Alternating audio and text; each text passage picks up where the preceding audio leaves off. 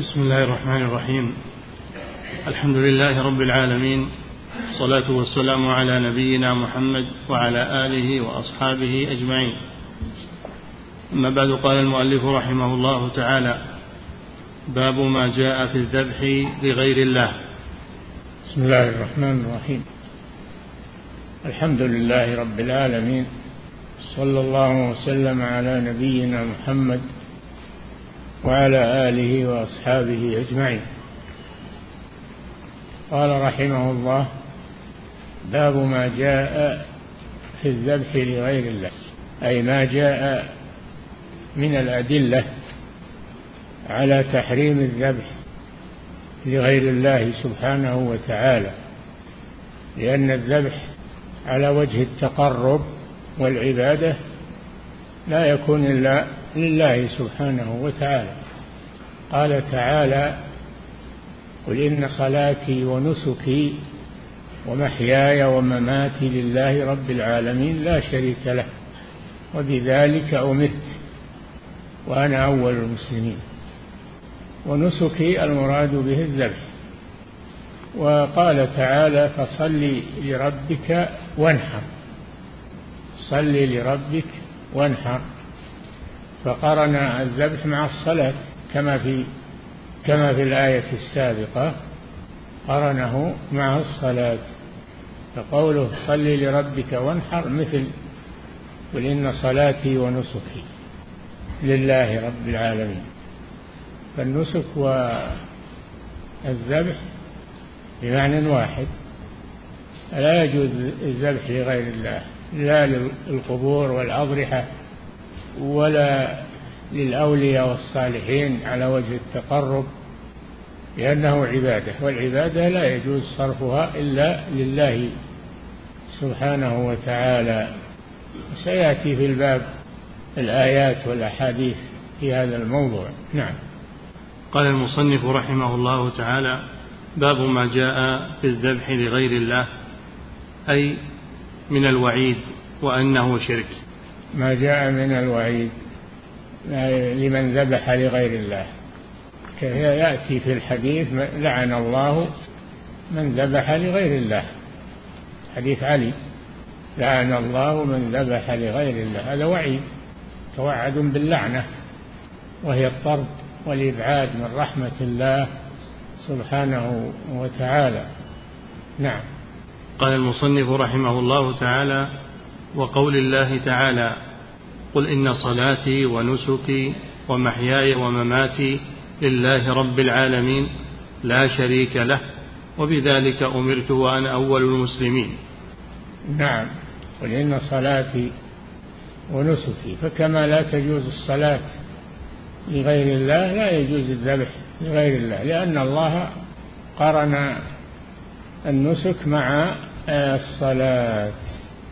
وقال لله أي لا لغيره. فالذبح لله عبادة على وجه التقرب. والذبح لغير الله على وجه التقرب إليه شرك لأنه صرف للعبادة لغير الله سبحانه وتعالى. نعم. قال ابن كثير رحمه الله يأمره تعالى أن يخبر المشركين الذين يعبدون غير الله ويذبحون لغير اسمه بأنه أخلص لله صلاته وذبيحته. نعم.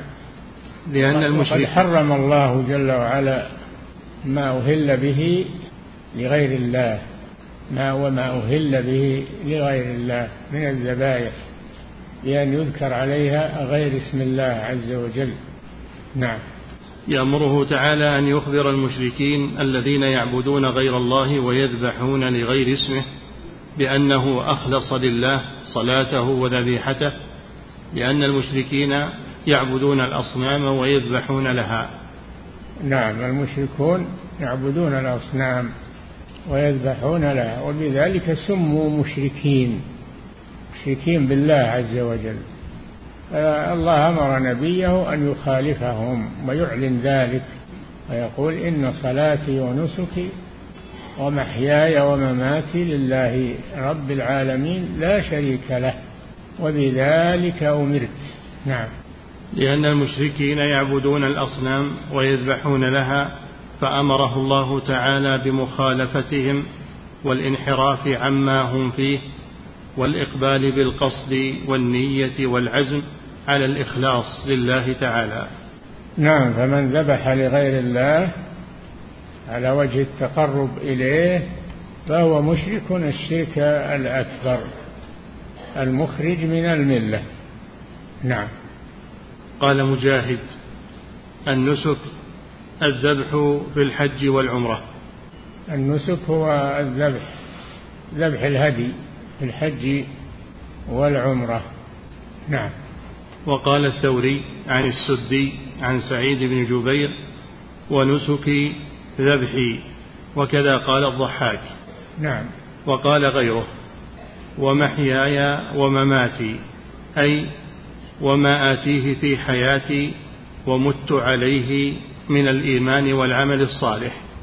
نعم.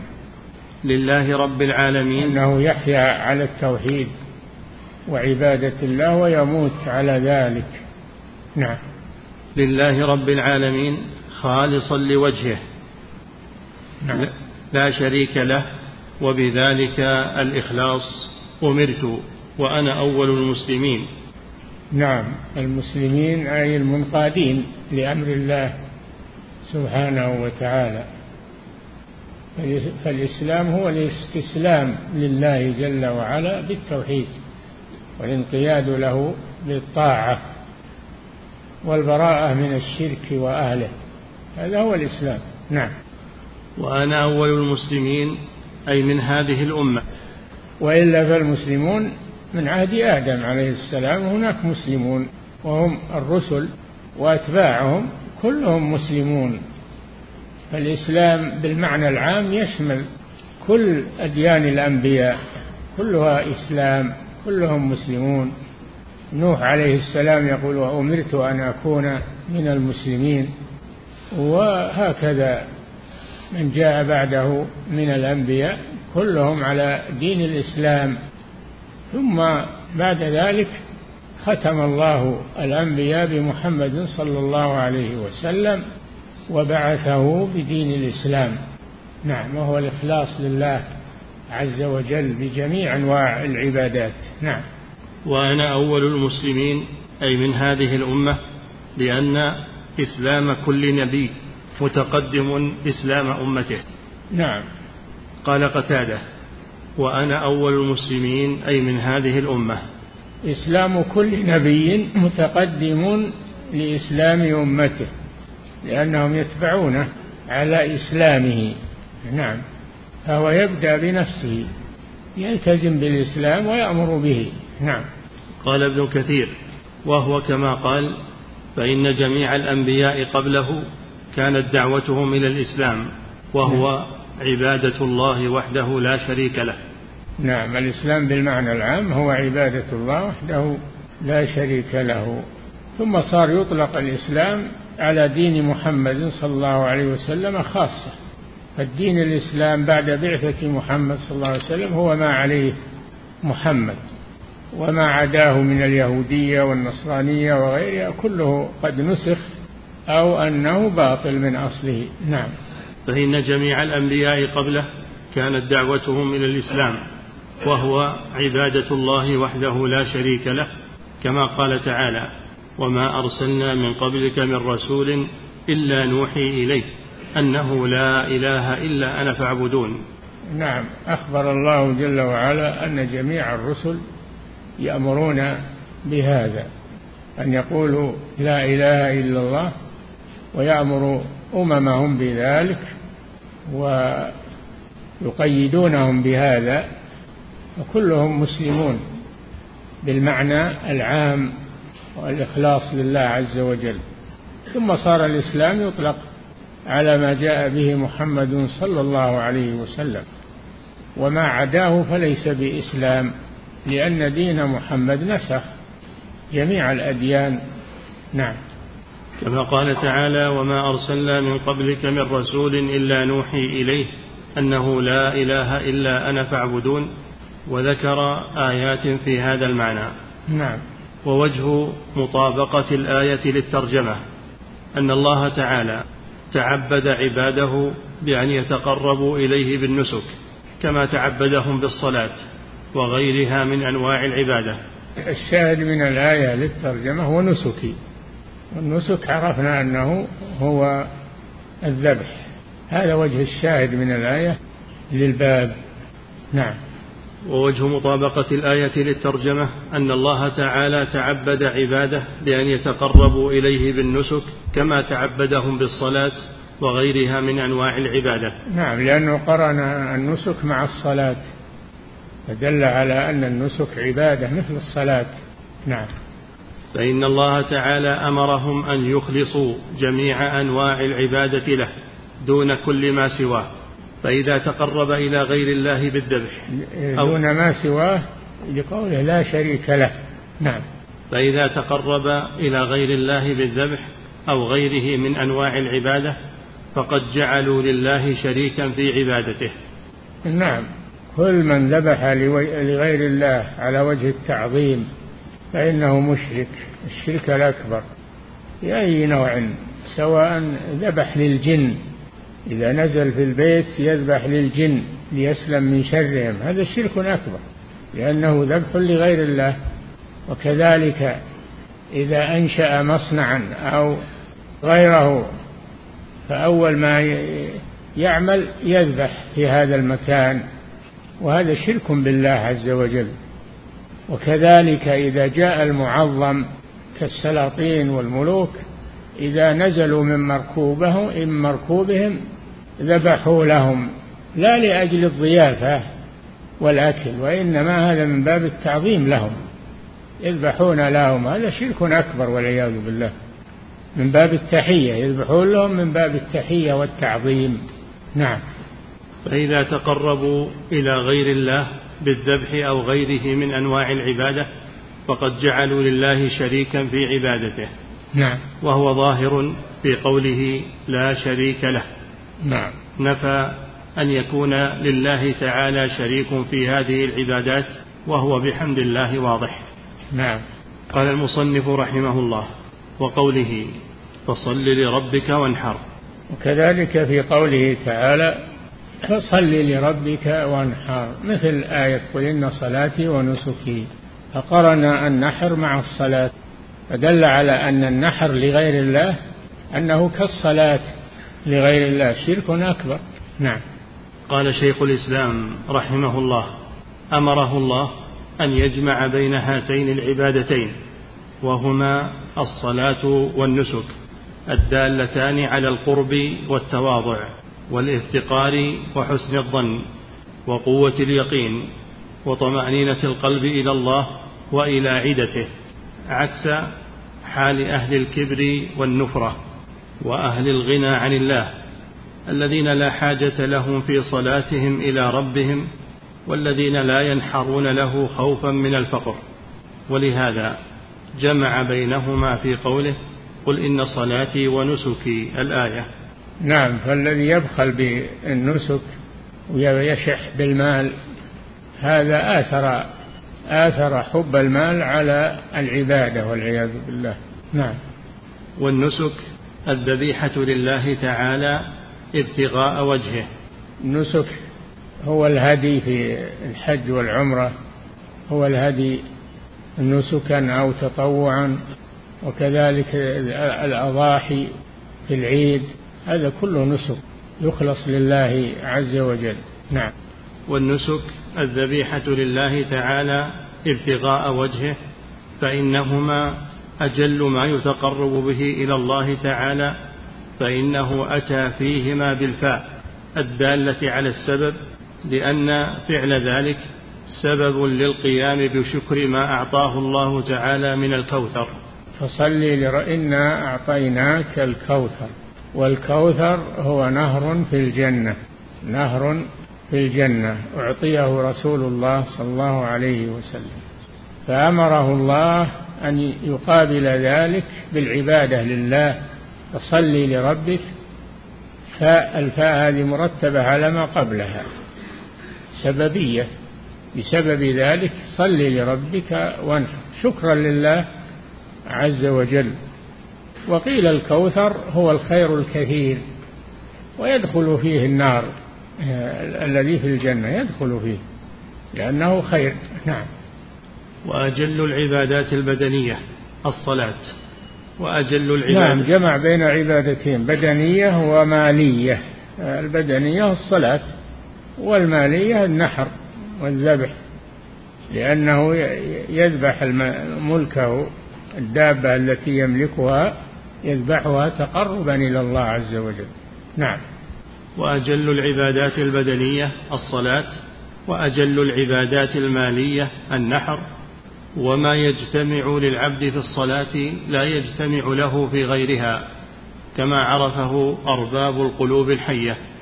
الصلاة يجتمع فيها ما لا يجتمع في غيرها من أنواع العبادات ولذلك قدمها الله عز وجل وذكرها هنا. لأنها تجتمع فيها أنواع العبادات. هي أقوال وأفعال مبتدأة بالتكبير ومختتمة بالتسليم وكلها عبادة لله عز وجل. نعم. قراءة وركوع وسجود وذكر لله عز وجل تسبيح تكبير. نعم. وما يجتمع للعبد في الصلاة؟ لا يجتمع له في غيرها كما عرفه أرباب القلوب الحية وما يجتمع له في النحر إذا قارنه الإيمان والإخلاص من قوة اليقين وحسن الظن. أمر أمر عجيب. نعم لأنه آثر طاعة الله فذبح له ونحر له مع حب النفس للمال فطابت بهذا لله عز وجل هذا دليل على صدق إيمانه. نعم. وكان النبي صلى الله عليه وسلم كثير الصلاة كثير النحر. كان صلى الله عليه وسلم كثير الصلاة فريضة ونافلة كما ذكر الله ذلك عنه في سورة المزمل وكما ذكر عنه في آيات من القرآن كثيرة فهو كثير الصلاة. وكما جاء في الأحاديث وجاء في سيرته صلى الله عليه وسلم وكان يطيل يطيل الصلاة لأنه يتلذذ بها وإذا حزبه أمر واهتم به أو أصابته شدة يفزع إلى الصلاة ويقول يا بلال أقم الصلاة أرحنا بها فإذا دخل بالصلاة استراح أرحنا بها. نعم. وكان النبي صلى الله عليه وسلم كثير الصلاة كثير النحر. انتهى. نعم. قلت وقد نحر في حجة الوداع مئة بدنة. نحر في حجة الوداع مئة بدنة. وكان إيه، في قبل حجة الوداع يرسل الهدي يرسل الهدي يذبح في مكة. نعم. قلت وقد تضمنت الصلاة من أنواع العبادة كثيرا فمن ذلك الدعاء والتكبير والتسبيح والقراءة والتسميع والثناء والقيام والركوع والسجود والاعتدال وإقامة الوجه لله تعالى والإقبال عليه بالقلب. نعم. وغير ذلك مما هو مشروع في الصلاة. وكل هذه الأمور من أنواع العبادة التي لا يجوز أن يصرف منها شيء لغير الله. نعم. وكذلك النسك. يتضمن أمورا من العبادة كما تقدم في كلام شيخ الإسلام. قال المصنف رحمه الله تعالى وعن علي بن أبي طالب رضي الله عنه قال حدثني رسول الله صلى الله عليه وسلم بأربع كلمات. لعن الله من ذبح لغير الله. لعن الله من لعن والديه. لعن الله من آوى محدثا لعن الله من غير منار الأرض. رواه مسلم. هذا حديث علي رضي الله عنه أمير المؤمنين يقول حدثني رسول الله صلى الله عليه وسلم بأربع كلمات. لعن الله من ذبح لغير الله. واللعن هو الطرد والإبعاد من رحمة الله. وهذا وعيد شديد على من يذبحون لغير الله من الأضرحة وغير ذلك من معبودات المشركين تقربون إليها. لعن الله من ذبح لغير الله. لعن الله من آوى محدثا. آواه يعني منع إقامة الحد عليه. يعني إذا وجب حد على أحد من قصاص أو رجم أو غير ذلك يمنعه من تنفيذ الحد عليه فهو ملعون. من فعل هذا فهو ملعون. من آوى محدثا محدثا حدثا يوجب عليه حد من حدود الله حتى الشفاعة في إسقاط الحد لا تجوز. لما أراد النبي صلى الله عليه وسلم قطع يد امرأة مخزومية جاء أهلها إلى أسامة بن زيد رضي الله عنه طلبوا منه أن يشفع عند رسول الله صلى الله عليه وسلم في ترك قطع يد هذه المرأة. فذهب أسامة إلى رسول الله وكلمه. فغضب رسول الله صلى الله عليه وسلم على أسامة وقال أتشفع في حد من حدود الله؟ ويم الله لو أن فاطمة بنت محمد سرقت لقطعت يدها. صرامة ما, ما بعدها صرامة ولا فيها تأخر أو تأني عن تنفيذ حدود الله سبحانه وتعالى. ولو كانت على أشرف الناس لو كانت على أشرف الناس وبنو إسرائيل كان إذا سرق فيهم ضعيف أقاموا عليه الحد وإذا سرق فيهم الشريف تركوه فلعنهم الله عند ذلك. نسأل الله العافية. إنما أهلك من كان قبلكم أنهم كانوا إذا سرق فيهم الضعيف أقاموا عليه الحد وإذا سرق فيهم الشريف تركوه. فلا يحابى في الحدود لا الكبير ولا الصغير ولا الشريف ولا الوضيع ولا الغني ولا الفقير تقام الحدود. لعن الله من آوى محدثا من شفع في حد من حدود من حالت شفاعته دون حد من حدود الله فقد ضاد الله في أمره. لا يجوز الشفاعة في من وجبت عليهم الحدود. إذا بلغت السلطان تعافوا الحدود فيما بينكم. فإذا بلغت الحدود السلطان فلعن الله الشافع والمشفع. نعم. لعن الله من لعن والديه. لعن الله من لعن والديه. قالوا يا رسول الله وكيف يلعن الرجل والديه؟ قال يلعن والدي الرجل فيلعن والديه. يلعن أبا الرجل فيلعن أباه ويلعن أمه فيلعن أمه. يكون متسببا في لعن والديه. نعم. لعن الله من غير منار الأرض. غير منار الأرض. قيل المراد بمنار الأرض المراسيم التي تكون بين أملاك الناس. إذا قسمت الأراضي ووضعت المراسيم فلا يجوز تقديمها ولا تأخيرها. من فعل ذلك فهو ملعون. وقيل المراد بمنار الأرض حدود الحرم المكي فلا تغير. تقدم أو تؤخر. وقيل المراد بمنار الأرض العلامات التي على الطرق يهتدي بها المسافرون. والحديث يشمل هذه كلها نعم نعم.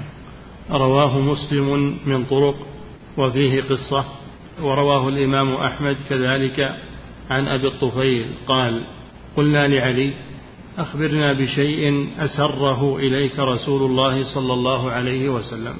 فقال ما أسر إلي شيئا كتمه الناس. نعم. ما خص أهل بيته بعلم دون الناس؟ ما خصهم بشيء دون الناس؟ بلغ الرسالة لجميع الناس. نعم.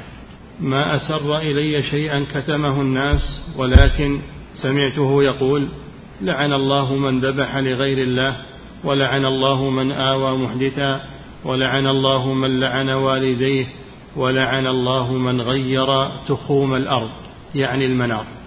يعني المنار نعم.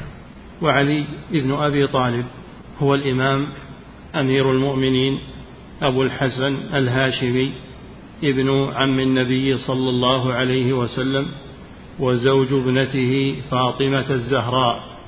وكان من أسبق السابقين الأولين ومن أهل بدر وبيعة الرضوان وأحد العشرة المشهود لهم بالجنة ورابع الخلفاء الراشدين ومناقبه مشهورة رضي الله تعالى عنه. مناقبه فضائله كثيرة منها ما ذكره هنا ومنها ما لم يذكره. نعم. ومناقبه مشهورة رضي الله عنه قتله ابن ملجم الخارجي في رمضان سنة أربعين. نعم الخوارج يقتلون المسلمين والمؤمنين ولا يقتلون الكفار كما وصفهم رسول الله صلى الله عليه وسلم. يقتلون أهل الإيمان ويدعون أهل الأوثان هذا وصفهم قبحهم الله.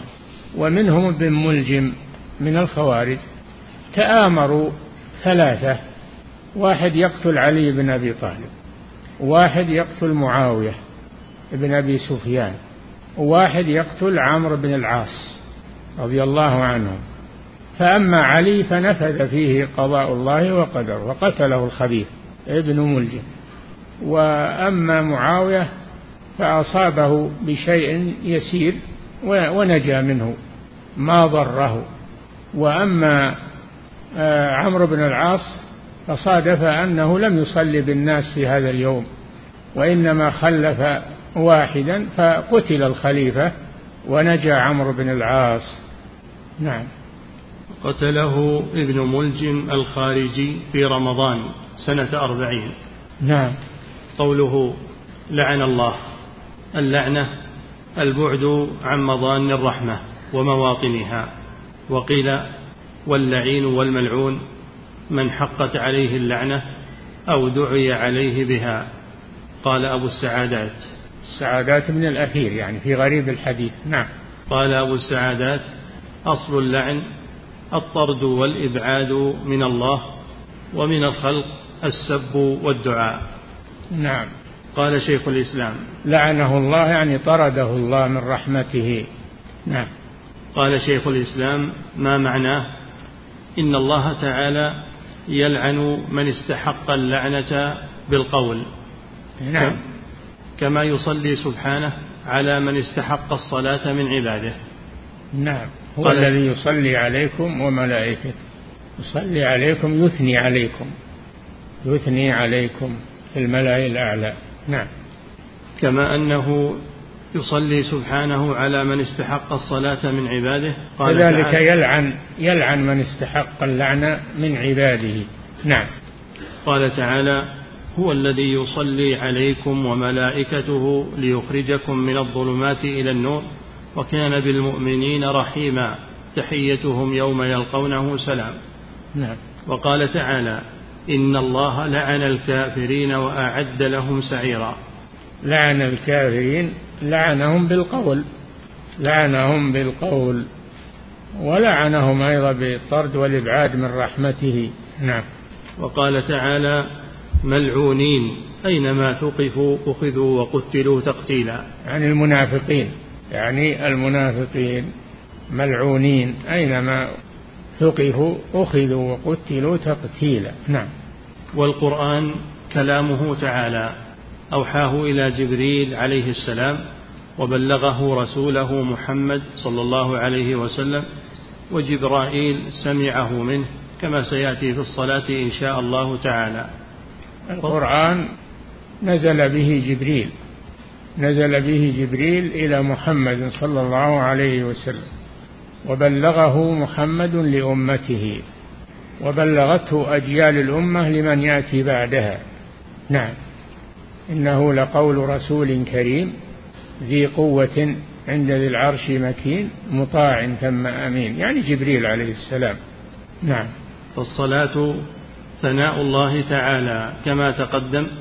فالله تعالى هو المصلي وهو المثيب كما دل على ذلك الكتاب والسنة وعليه سلف الأمة. قال الإمام أحمد رحمه الله لم يزل الله متكلما إذا شاء. نعم.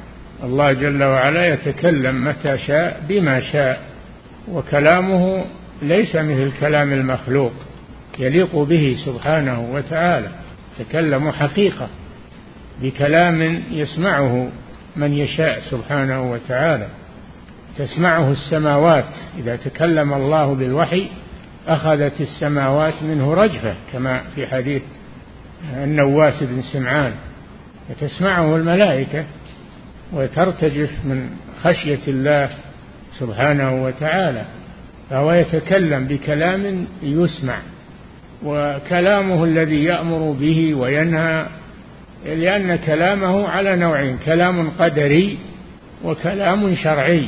كلامه الشرعي هو القرآن التوراة والإنجيل وكلامه القدري أمره للكائنات إنما أمره إذا أراد شيئا أن يقول له كن فيكون أو يتكلم ولا يحصى كلامه سبحانه وتعالى.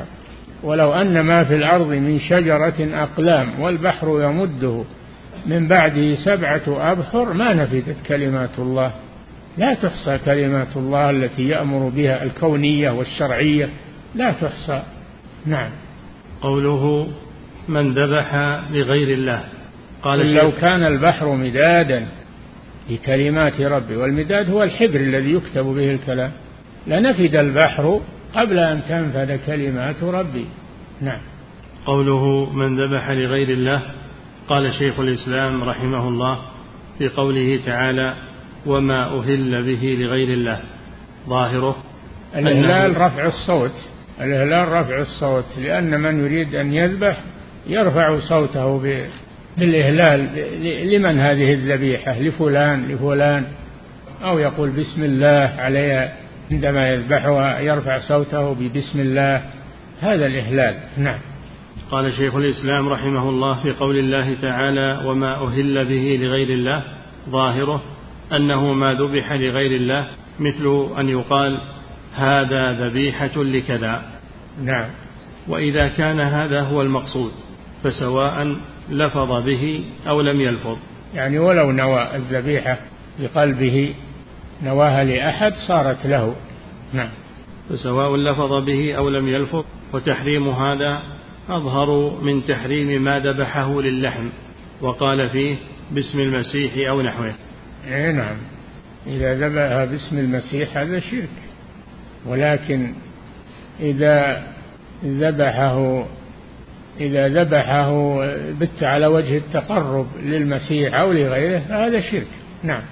وتحريم هذا أظهر من تحريم ما ذبحه للحم وقال فيه باسم المسيح أو نحوه كما أن ما ذبحناه متقربين به إلى الله كان أزكى وأعظم مما ذبحناه للحم وقلنا عليه بسم الله. نعم. فإذا حرم ما قيل فيه باسم المسيح أو الزهرة فلأن يحرم ما قيل فيه لأجل المسيح أو الزهرة أو قصد به ذلك أو لا. أو قصد. أو قصد به ذلك أو لا. فإن العبادة لغير الله أعظم كفرا من الاستعانة بغير الله. نعم. وعلى هذا فلو ذبح لغير الله متقربا إليه لحرم. وإن قال فيه بسم الله. المدار على النية إذا نواه للقبر أو للضريح فإنه حرام ولو قال عليه بسم الله ولو قال عليه بسم الله العبرة بالنية. نعم. وعلى هذا فلو ذبح لغير الله متقربا إليه لحرم وإن قال فيه بسم الله كما قد يفعله طائفة من منافقي هذه الأمة الذين قد يتقربون إلى الكواكب بالذبح والبخور ونحو ذلك. نعم. وإن كان هؤلاء مرتدين لا تباح ذبيحتهم بحال لكن يجتمع في الذبيحة مانعان. الأول أنه مما أهل به لغير الله والثاني أنها ذبيحة مرتد. نعم. قلت هذا لا اختلاف فيه بين العلماء. وأما إذا ذبح للحم وذكر على الذبيحة اسم المسيح أو الزهرة ونحو ذلك فهذا الذي فيه خلاف فهذا الذي فيه خلاف العلماء وكلام شيخ الإسلام هذا يدل على أنه يقول بتحريمه ووافقه على ذلك بعض العلماء. نعم. وذكر القرطبي في تفسير قوله تعالى ولا تأكلوا مما لم يذكر اسم الله عليه. ثم استثنى قوله وطعام الذين أوتوا الكتاب حل لكم. يعني ذبيحة اليهود والنصراني. وإن كان النصراني يقول عند الذبح باسم المسيح واليهودي يقول باسم عزير وذكر لكن الله باح لنا ذبائحهم وإن كانوا يقولون هذا. نعم. وذكر قول عطاء كل من ذبيحة النصراني وإن قال باسم المسيح لأن الله تعالى قد أباح ذبائحهم وقد علم ما يقولون. نعم. وذكر مثله عن القاسم وذكر مثله عن القاسم ابن مخيمرة وهو قول الزهري وربيعة والشعبي ومكحول وروي عن عبادة بن الصامت وأبي الدرداء من الصحابة. انتهى ملخصا. نعم. ثم قال ومن هذا الباب ما يفعله الجاهلون بمكة من الذبح للجن ولهذا روي عن النبي صلى الله عليه وسلم أنه نهى عن ذبائح الجن. انتهى. نعم يذبحون للجن يخافون من شرهم يخافون من شرهم.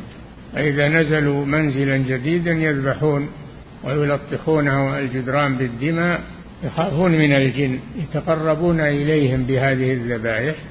هذا شرك وهذه الذبائح محرمة. نعم. قال الزمخشري كانوا إذا اشتروا دارا أو بنوها. يلا. نعم. قال الزمخشري كانوا إذا اشتروا دارا أو بنوها أو استخرجوا عينا ذبحوا ذبيحة خوفا أن تصيبهم الجن فأضيفت إليهم الذبائح لذلك. نعم. وذكر إبراهيم المروزي أن ما ذبح عند استقبال السلطان. ما ذكر ذبح على وجه التحية للسلطان إذا نزل من مركوبه فإنه من هذا الباب حرام وشرك بالله عز وجل. نعم. وذكر إبراهيم المروزي أن ما ذبح عند استقبال السلطان تقربا إليه أفتى أهل بخارى بتحريمه لأنه مما أهل لغير الله. نعم. قوله صلى الله عليه وسلم لعن الله من لعن والديه. يعني أباه وأمه وإن نعم. عليا. وفي يعني ولو لعن جده أو جد جده كله أبو. نعم. وفي الصحيح أن رسول الله صلى الله عليه وسلم قال من الكبائر شتم الرجل والديه. قالوا يا رسول الله وهل يشتم الرجل والديه؟ قال نعم يسب أبا الرجل فيسب أباه ويسب أمه فيسب أمه. نعم. قوله لعن الله من آوى محدثا هو بفتح الهمزة ممدودة أي ضمه إليه وحماه أن يؤخذ منه الحق. الذي وجب عليه. نعم. قال أبو السعادات أويت إلى المنزل وآويت غيري أويت إلى المنزل وأويت غيري وآويته وأنكر بعضهم المقصور المتعدي. وقال الأزهري هي لغة صحيحة. نعم. وأما محدثا فقال أبو السعادات يروى بكسر الدال وفتحها. محدثا يروى محدثا ومحدثا.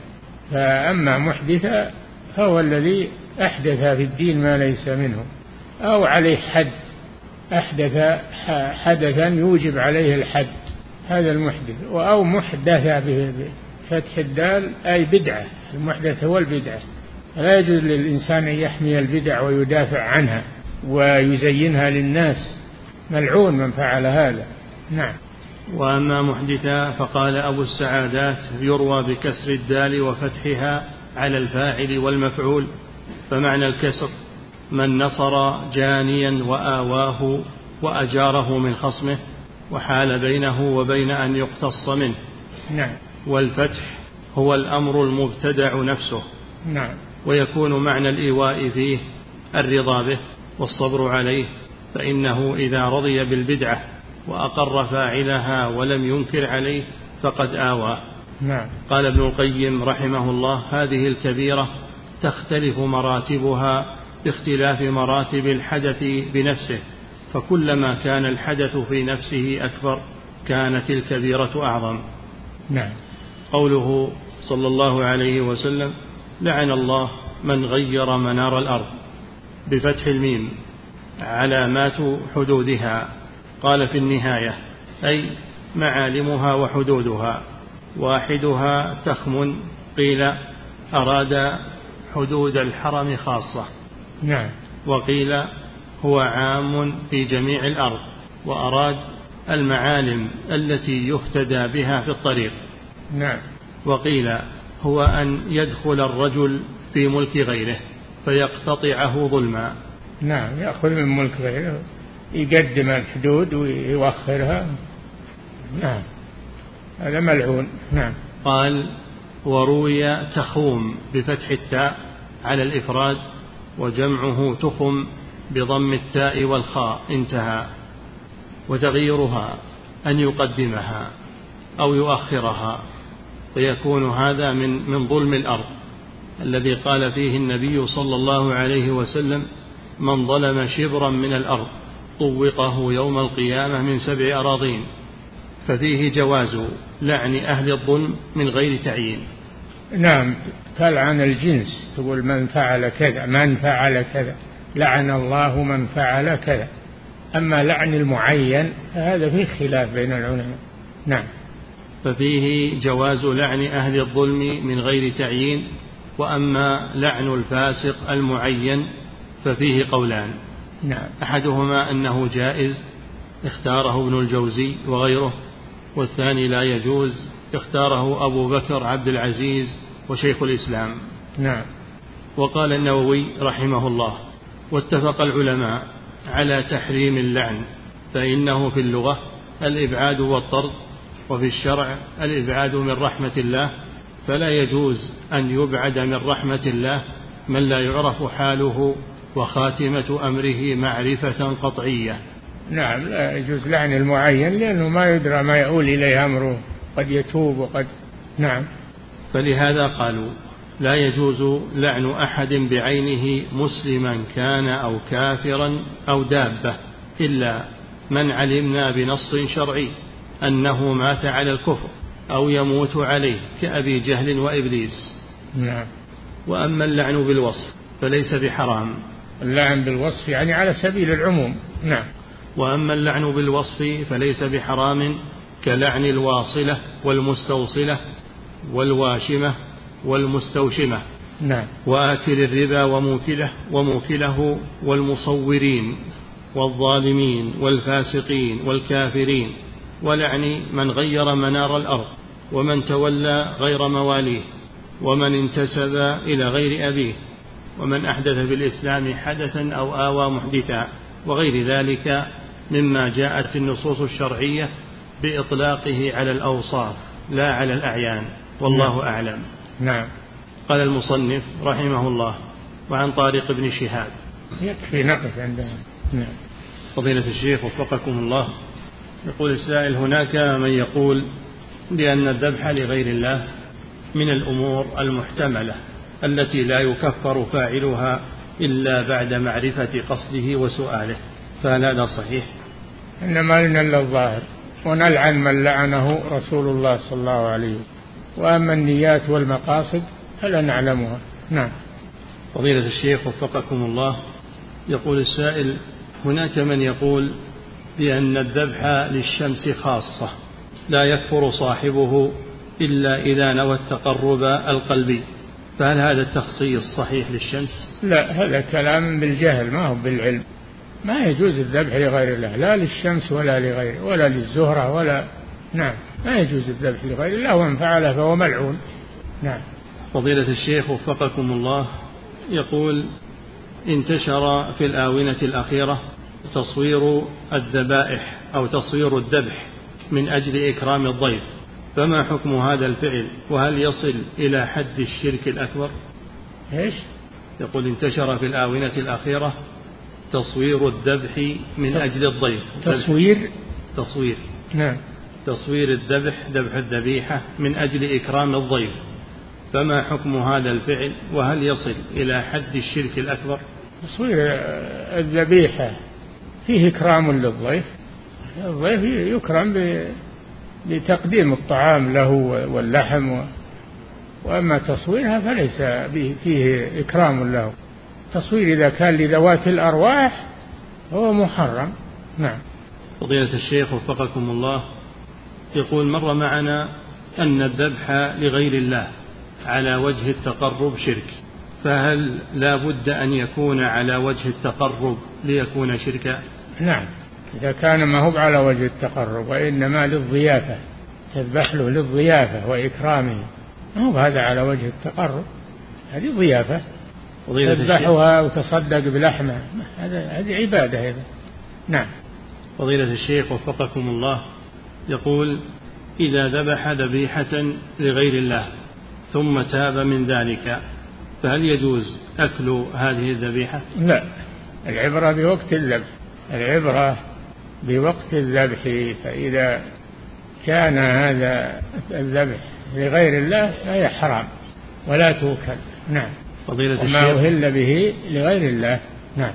فضيلة الشيخ وفقكم الله يقول إذا تيقنا أن أن النصراني عند ذبحه للذبيحة قد قال باسم المسيح فهل تحل ذبيحته؟ يا أخي الله باح لنا ذلك وهو يعلم أنهم يقولون باسم المسيح فنحن نعمل بالآية طعام الذين أوتوا الكتاب حل لكم أي ذبائحهم. نعم.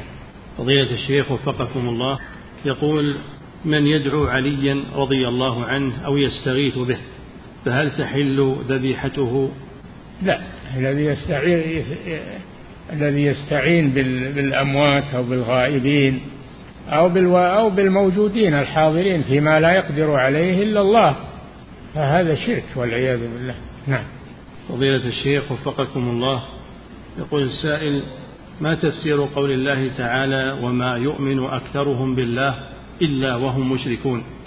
ما يؤمن أكثرهم بالله يعني توحيد الربوبية إلا وهم مشركون في الألوهية لأن المشركين يقرون بتوحيد الربوبية وينكرون توحيد الألوهية. نعم. فضيلة الشيخ وفقكم الله كيف الجمع بين قول الله تعالى إلا من أكره وقلبه مطمئن بالإيمان فعذر في هذا؟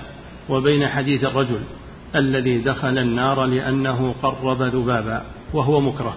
ما اعتذر بأن الذبح لغير الله لا يجوز بل قال ليس عندي شيء أقرب. دل على أنه لو عنده شيء يذبح ما عنده مانع. نعم. فضيلة الشيخ وفقكم الله من ذبح لأجل نزوله في منزل جديد فرحا بذلك؟ لا بأس. ذبح الذبائح وتقديم الطعام بمناسبة المنزل الجديد هذا من الفرح بنعمة الله وإكرام الجيران و... نعم لا بأس. فضيلة الشيخ وفقكم الله يقول ذكر المؤلف رحمه الله أن من ذبح باسم المسيح أو الزهرة أن فيه خلافا. وقال إن شيخ الإسلام يرى التحريم. يقول ما وجه الخلاف في هذا؟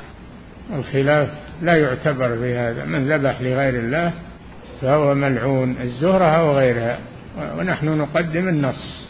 ولا ننظر إلى ما خالفه. نعم. فضيلة الشيخ وفقكم الله. يقول إذا أردت أن آكل لحما فاشتريت كبشا ونويت التقرب به إلى الله وذبحته لأجل الأكل فهل هذا يسمى من النسك ويؤجر فاعله؟ لا أنت هذا للحم هذا ذبحته للحم تبي تأكله أنت وهلك النسك إذا تصدقت منه وأطعمت منه و... نعم. فضيلة الشيخ وفقكم الله من جاءه مولود ولم يعق عنه هل يدخل في من آثر حب المال على العبادة؟ إذا كان ترك العقيقة بخلا بها فهو نعم يدخل في هذا. نعم. فضيلة الشيخ وفقكم الله يقول من عادة بلدنا أن المرأة إذا تزوجت وعند دخولها لبيت زوجها يذبح عند دخولها ذبيحة فتطأها بقدمها ثم تدخل وهذا على سبيل العادة عندنا. هذا عادة قبيحة. هذه مثل الذبح عند قدوم السلطان تعظيما له. ما يجوز هذا. نعم. فضيلة الشيخ وفقكم الله. يقول ما تفسير قول الله سبحانه إن شانئك هو الأبتر؟ ما معنى الأبتر؟ لأنهم قالوا إن محمد صلى الله عليه وسلم رجل أبتر ليس له ولد. إذا مات يبي ينقطع ذكره. يبي ينقطع ذكره إذا مات عليه الصلاة والسلام. قال الله جل وعلا إن شانئك أي مبغضك هو الأبتر الذي ينقطع ذكره ولا يعرف بعد موته. أما الرسول الله صلى الله عليه وسلم فسيتصل ذكره إلى يوم القيامة. نعم. فضيلة الشيخ وفقكم الله إذا ذبح عند عتبة بابه بيته الجديد يقول ولا يقصد الشرك. بل لا ما يجوز هذا. على العتبة ما يجوز هذا. ولو يذبح على العتبة. صار بيذبح من باب الفرح بالمنزل الجديد وإكرام الجيران يذبح داخله أو أو بالمجزرة أو بالمقصب. أما على العتبة هذا اعتقاد سيء. نعم. فضيلة الشيخ وفقكم الله من آوى مهرب المخدرات أو آوى مبتدعا أو خارجيا أو مطلوبا أمنيا. هل يدخل في قول النبي صلى الله عليه وسلم لعن الله من آوى محدثا بلا شك أنه يدخل في هذا.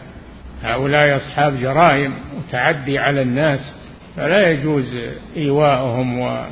والدفاع عنهم وإخفاؤهم في منزله وما أشبه ذلك. التستر عليهم لا يجوز. نعم. فضيلة الشيخ وفقكم الله من طاف على القبر وقال طوافي إنما هو لله وأما قبر الولي فهو كالكعبة فهل يكون مشركا شركا أكبر بفعله؟ ما يكون طواف لله الطواف بالقبر ما هو طواف لله ولو قال أنه طواف لله هذا طواف للقبر وهو شرك بلا شك طواف عبادة. نعم. فضيلة الشيخ وفقكم الله يقول ذكر المؤلف رحمه الله عند ترجمته لعلي بن أبي طالب رضي الله عنه وأرضاه قال أن زوجته هي فاطمة الزهراء. يقول علق بعضهم بأن الزهراء هذه ليست بواردة عن السلف. إيش؟ بأن الزهراء كلمة الزهراء هي لفظة لم ترد عن السلف. عن السلف؟ السلف. لا ما فيها بأس. هي الزهراء رضي الله عنها. نعم. فضيلة الشيخ وفقكم الله يقول هل صحيح أن الذبائح التي هي نسك وأمر بها رسول الله صلى الله عليه وسلم هي ثلاث هي الهدي والعقيقة والأضحية. أي نعم هذه هذه أعرف أشهرها وأبينها. نعم. فضيلة الشيخ وفقكم الله يقول السائل في قوله صلى الله عليه وسلم لعن الله من آوى محدثا. هل يشمل هذا إيواء المبتدعة والدفاع عنهم. بلا شك. المحدث هو من أحدث في الدين ما ليس منه. أو أحدث في الأمن وأخل بالأمن. هذا محدث أيضا. نعم. فضيلة الشيخ وفقكم الله. يقول قال الشيخ رحمه الله في الشرح والله تعالى هو المصلي. فهل يقال بأن المصلي من أسماء الله تعالى؟ لا يوصف. هذا وصف. والذي يصلي عليكم. الله جل وعلا قال عن نفسه هو الذي يصلي عليكم وما يعني يثني عليكم فيوصف بأنه يصلي على المؤمنين بمعنى يثني عليهم. نعم. فضيلة الشيخ وفقكم الله يقول السائل هل يجوز إرسال الهدي إلى مكة؟ وما صفة الهدي المرسل؟ وهل وقته مفتوح أم له وقت محدد في الشرع؟ ليس له وقت. وكان صلى الله عليه وسلم يبعث الهدي إلى مكة وهو في المدينة ويجعل عليه علامات أنه هدي ويذبح في مكة. لا بأس بذلك. نعم. فضيلة الشيخ وفقكم الله يقول بعض من الناس كثيرا ما يجري على لسانه اللعن سواء كان من الصغار أو من الكبار. فما نصيحتكم في هذا الأمر؟ لأن تربيته سيئة. هذا ما ربي. اللي تعود اللعن واللغو والكلام السيء هذا تربيته سيئة. ما ربي على الخير وعلى فيجب تربية الأولاد عن مثل هذه الأمور. نعم. فضيلة الشيخ وفقكم الله. يقول السائل في بلدنا إذا حصلت مشكلة وأرادوا حلها فإنهم يذبحون ذبيحة عند صاحب المشكلة فتنحل بذلك. فهل هذا الفعل جائز؟ لا الاعتقاد سيء. يذبحونها من أجل حل المشكلة هذا اعتقاد سيء. نعم. فضيلة الشيخ وفقكم الله يقول ما الأفضل في إرسال الهدي إلى مكة؟ أن يذبح هناك فيرسل حيا ثم يذبح هناك أو يصطحب لحما معه؟ لا ما يصطحب يذبح هناك. ما يصير هدي إلا إذا ذبح هنا نعم. ثم محلها إلى البيت العتيق. لازم تذبح هناك. نعم. فضيلة الشيخ وفقكم الله يقول وهل له أن يصطحب الهدي معه من الحل فيشتريه من الحل ثم يذبحه بعد أدائه للعمرة؟ نعم. لا بأس. لا بأس بذلك. نعم. فضيلة الشيخ وفقكم الله. وكونه يذبح يشتريه من الحل أفضل من كونه يشتريه من الحرم. أفضل. نعم. فضيلة الشيخ وفقكم الله هل استقبال القبلة شرط لحل الذبيحة أم يكتفى بالتسمية فقط؟ لا ما هو شرط لكن سنة أن توجه للقبلة هذا سنة لأن الذبح عبادة والعبادة تستقبل بها القبلة. نعم. فضيلة الشيخ وفقكم الله يقول هل الأضحية من الذبائح الواجبة؟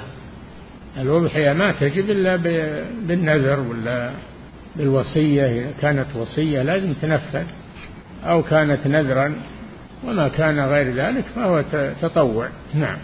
فضيلة الشيخ وفقكم الله يقول السائل يقول أنا من بلاد كافرة وأمه كافرة يقول كيف أعاملها وأتعامل معها؟ ما نصيحتكم لي في هذا؟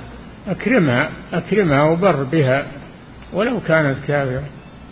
الله جل وعلا أمر ببر الوالدين ولو كانوا كفارا لكن لا تطيعهما في معصية الله وإن جاهداك على أن تشرك بي ما ليس لك به علم فلا تطعهما.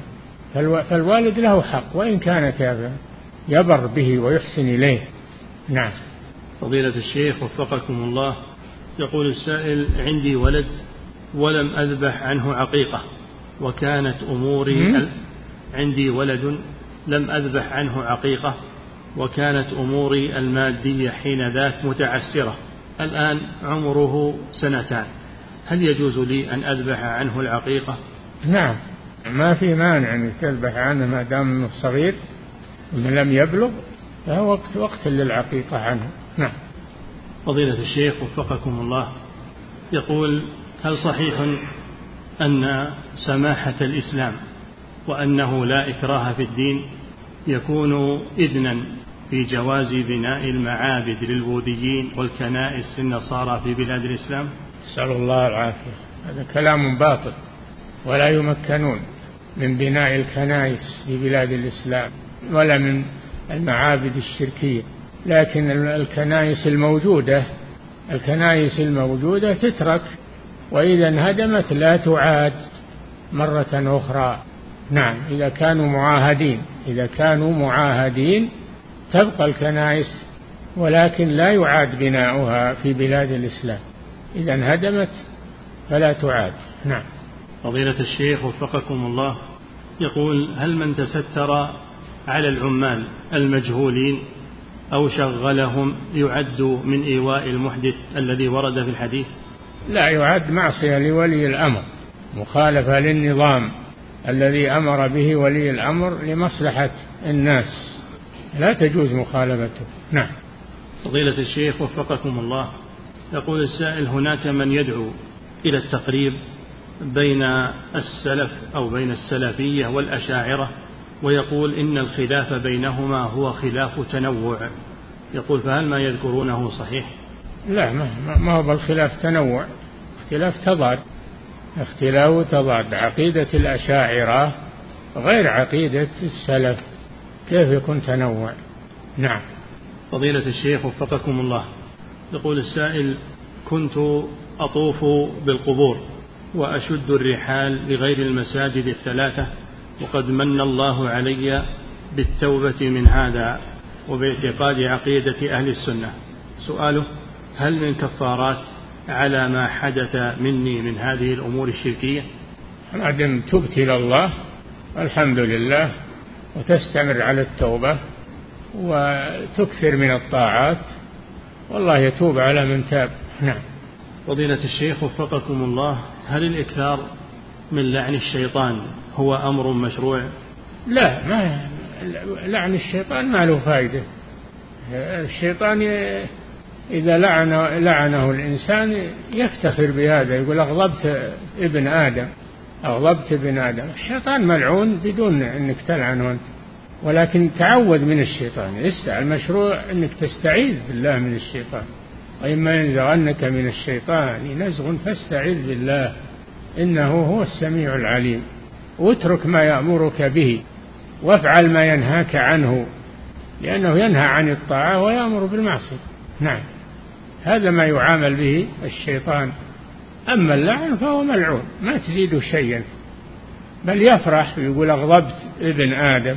نعم. فضيلة الشيخ وفقكم الله من ذبح لغير الله ثم مات على ذلك فهل يصلى عليه صلاة الجنازة؟ إذا علم أنه يذبح لغير الله ولم يتب فلا يصلى عليه صلاة الجنازة لأنه مشرك. إذا مات على الذبح لغير الله ولم يتب فلا يصلى عليه نعم فضيلة الشيخ وفقكم الله يقول السائل عندنا عادة في رمضان أننا نقوم بذبح ذبيحة ونجمع الأقارب عليها بنية أنها صدقة عن الوالدين فهل هذا الفعل مشروع؟ نعم هذا مشروع لأنه من إطعام الطعام ورمضان شهر إطعام الطعام ولا تقتصروا على ضيوفكم أطعموا المحتاجين تصدقوا منها على المحتاجين على الجيران. نعم. فضيلة الشيخ وفقكم الله. يقول جبريل عليه السلام هل هو الذي ذكره المصنف رحمه الله في قوله جبرائيل؟ أي نعم جبريل وجبرائيل معنى واحد. نعم. فضيلة الشيخ وفقكم الله يقول السائل شائع عندنا. الروح الأمين هو جبريل عليه السلام الروح الأمين. نعم. فضيلة الشيخ وفقكم الله يقول السائل شائع عندنا الشفاعة في المحكوم عليه بالقصاص ونجمع الدية لأهل القتيل. هل هذا يدخل في حديث لعن الله من آوى محدثا؟ لا. إذا كانوا يقبلون يقبلون الدية أو يقبلون الفدية فلا بأس بذلك. هذا حق لهم هذا حق للمخلوق. القصاص حق للمخلوق. إذا عفى عنه أو آه، عفى عنه بمقابل أو بدون مقابل فلا بأس بذلك. نعم. فضيلة الشيخ وفقكم الله. يقول السائل إذا ذبحت ذبيحة لرجل كي ينفعني في أمر من الأمور التي يقدر عليها فهل هذا من الشرك؟ لا. لا ما هو من الشرك. ذبحته على علشان إنه يساعدك ولا نعم ما في.